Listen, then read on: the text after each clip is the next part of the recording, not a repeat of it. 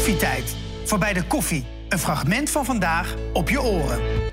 Voor de buitenwereld leken Isa Hoes en Anthony Kamerling het perfecte droomkoppel. Dat Anthony met mentale problemen worstelde, wist niet iedereen. In 2010 maakte hij een einde aan zijn leven. Isa schreef hun aangrijpende liefdesverhaal op in het boek toen ik je zag. En in de prachtige verfilming speelt Egbert-Jan Weber de hoofdrol.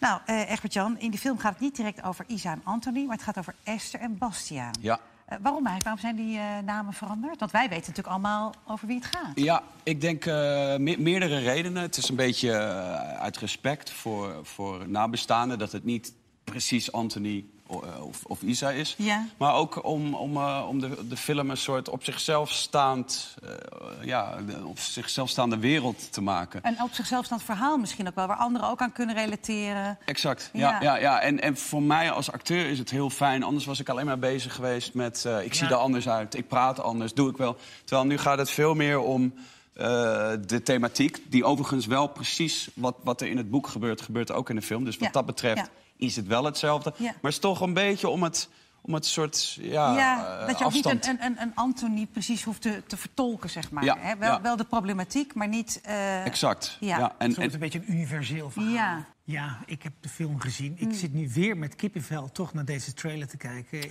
Je, je weet hoe het, hoe het afloopt, maar je speelt dat samen met Noortje echt Ja. zo ongelooflijk goed. En Mm. vooral ook jouw pieken die je speelt en ook die dalen. Het is, je neemt ons echt mee in, eh, in, in dat verhaal. Dat doe je echt waanzinnig goed. Maar ja, dan heb je zo die première. Ja. Dan is Isa daar natuurlijk ook. Ja. Met zoon Marlijn. Natuurlijk een heel persoonlijk verhaal van ja, hun. ja. Ja, dan zit je daar in die... Met wat gevoel zat jij in die Ja, het was een heel dubbel gevoel. Want ja, normaal is een première een hele feestelijke avond. Maar ik Ja. had toch een soort verdriet van... hé, hey, dit is echt gebeurd. Ja. Degene die ik eh, nou, weliswaar niet speel... maar waarop het verhaal eh, Ja. gebaseerd is... ja, die, dat is gewoon een tragisch eind. Dus ik voelde ook een soort verdriet, maar ook een soort... dit moet de wereld in. Eh, Je, je geeft iets, iets weg. Het, Ja. wa- het was een gekke avond. Eh, eh, oh, eh, eh, ook in de zaal vo- voelde je dat er van alles gebeurde. Maar ja, je, het is natuurlijk wel goed dat een film ergens over gaat. Dat het, Ja, dat het de zeker. mensen raakt. Maar om nou te zeggen, ik was helemaal euforisch. Het, was, het was geladen. Maar ja, dat is, dat is ook wel, ja, het is ook goed. Ja, want wat, wat zouden jullie met de film willen bereiken? Ja, ik, ik kan vooral vanuit mezelf spreken. En stel je bent depressief, dat is ook een heel eenzaam gevoel. Ik heb me in deze rol ook heel eenzaam gevoeld. Want je sluit je af en, en, en niemand weet wat er in jouw hoofd gebeurt. Dus hoe, hoe gaat het met je, vraagt iemand. Ja, goed. Maar van binnen, niemand heeft een idee. Maar hetzelfde geldt voor, stel je hebt een vriend of een partner... met, met, met die ziekte, met die depressie. Voel je ook. Wat Ja. ik zou willen is dat het meer bespreekbaar wordt. Dat je er meer over gaat praten. Of dat je ziet, het komt onder de, onder de beste mensen voor. Ja. Ja. Van, van de buitenwereld kan, er, kan een gezin of een familie perfect zijn. Maar wat er in iemands Je weet het niet. Je weet het niet. Nee, je hebt dus geen idee. als we dat kunnen uitdragen van het is oké om in, in Ja. therapie te gaan... of oké om erover te praten of de taboe ervan af... En we leven natuurlijk in een tijd waarop op Instagram iedereen is alleen maar bezig met het gaat perfect. En eigenlijk is dat niet echt. Dus misschien is mijn motivatie van praat, wees eerlijk, wees open. En Ja. doe je niet beter voor dan, dan dat je Ja. En bent. nou, daar draagt deze film eh, eh, absoluut eh, bij, vind hoop ik. het. Eh, Anthony en ook jouw personage Bastiaan... die struggelen toch ook wel met de bekendheid die het vak met zich meebrengt. Ja. De druk die dat er ook met zich meebrengt. Ja. Dus dat ik dat, ja, is dat iets waar, waar jij je ook een beetje in herkent? Is, is het herkenbaar? Ja, zeker. Het, eh, ik, ik kwam op mijn achttiende in de film. Ik, ik had eigenlijk geen toneelschool gedaan en ik kreeg een hoofdrol. En toen werd ik genomineerd voor... Dus zo was ik een beetje het hapje eh, van de dag. En toen kreeg ik, eh, ik, ging ik in een film spelen met. En dan in één keer is je leven opeens Ja. eh, publiekelijk. Ja, Terwijl ik ja, zelf best wel een Einzelganger was. Dat, dat is iets heel geks, dat je opeens gaat lezen wat andere mensen van jou vinden. Ik vind hem de uitstraling hebben van een parkeermeter of dat soort dingen. Ja, precies, lees je dan, of, of, of erger nog, dus dat lees gek, ik niet meer. Maar je gaat dus vanuit andere ogen van hoe kom ik over? Wat moet ik aan? Terwijl, je, Ja. terwijl normaal eh, dacht je daar nooit over. Dan je je... gaat toch een beetje pleasen misschien naar beetje wat andere pleasen. mensen misschien... dat jij wil van, nou, zo willen ze toch een beetje... Dat Absoluut. Zeker niet- ook als acteur. Ben je Ja. alleen maar aan het... Aan het eh, Nou, daar is eigenlijk ook een mooie scène in de film. Hè? Een, een mooi fragment. Laten we daar even naar gaan kijken. Jij durft niet tegen die regisseur te zeggen dat hij er geen bal verstand van heeft. Ook al is hij misschien wel de grootste klootzak die je ooit bent tegengekomen. Nee. Trouwens. Er is bijna geen enkele regisseur die iets weet van acteren. En wat zegt hij tegen me? Dat ik een amateur ben. Echt in mijn gezicht en wat doe ik? Ik doe niks. Helemaal niks. Nee, we blijven slijmen bij die klootzak. Wij zijn nog erger dan hoeren. Want stel je voor dat het applaus ophoudt. Wie ben je dan? Wat ben je dan? Niks. Niemand. Een lege hulst. Zelfs voor mensen op straat schijt je in je broek. Kijk, eh, ja, je zei net al, hè, van, van je weet eigenlijk niet wat er achter de deur bij iemand thuis gebeurt, maar je weet ook niet wat er bij iemand in het hoofd gebeurt. hè? Eh, je hebt je wel afgesloten voor, voor deze rol om me voor te bereiden, maar hoe heb je dat nou uiteindelijk aangepakt? Want dat lijkt mij nog best ingewikkeld. Nou, het, het was al een gekke tijd, want we zaten in de, in de lockdown. En Mhm. eh, de angst op de set was natuurlijk... als er corona op de set is, dan kunnen we niet meer filmen.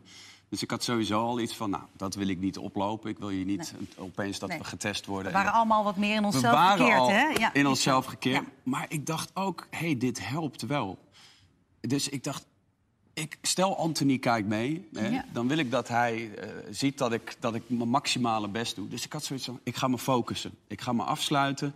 Eh, je kon geen leuke dingen doen, maar ik zag ook vrijwel geen vrienden. Dus ik, ik ben helemaal in die film gedoken. Maar normaal maak ik op de set ook nog wel eens een lolletje of zo. Maar Ja, ja, ja. dat deed ik nu ook minimaal. Dan ging ik boven, we draaiden in, dat, in een huis. Dan ging ik boven op zolder zitten of in de tuin. Maar toch een beetje ja, afsluiten in een soort... De hele tijd, ja. Nou ja, best wel veel. En dan ga je dus ook in gedachtenpatronen, ja, eigenlijk die, die hetzelfde zijn als in de film. Van doe ik het wel goed? Of, eh, en langzaam, ja, het wordt toch wel, je krijgt toch wel een donker wolkje maar, boven. maar, maar ja, inderdaad, maar zeg je dan eigenlijk ook van zo'n donkere wolk kan je dus ook eh, creëren waarmee je het echt gaat aanzetten?